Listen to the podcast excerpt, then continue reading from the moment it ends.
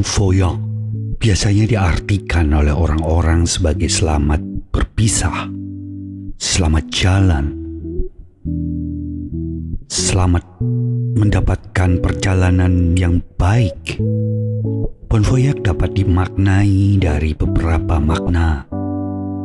Dalam sebuah perjalanan, Bon Voyage bisa menjadi sebuah doa agar perjalanannya selamat.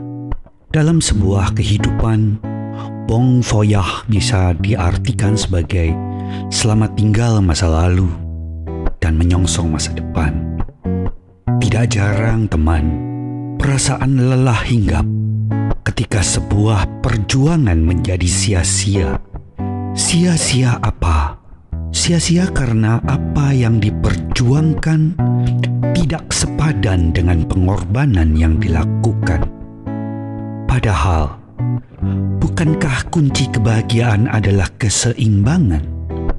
Bila jadi manusia lupa menjaga keseimbangan dalam hidupnya, entah karena ter terjebak dalam drama percintaan atau terjebak dalam ilusi tujuan.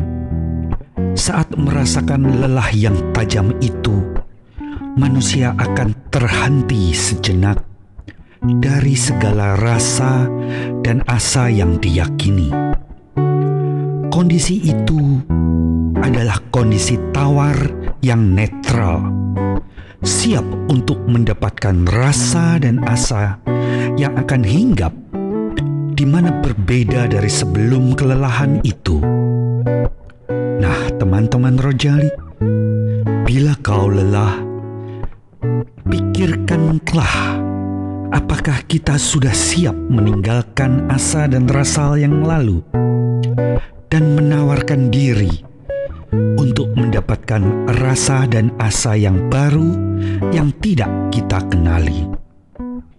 Siapkah mengalahkan ketakutan kita dan memasrahkan diri pada semesta yang akan mengguncang raga kita?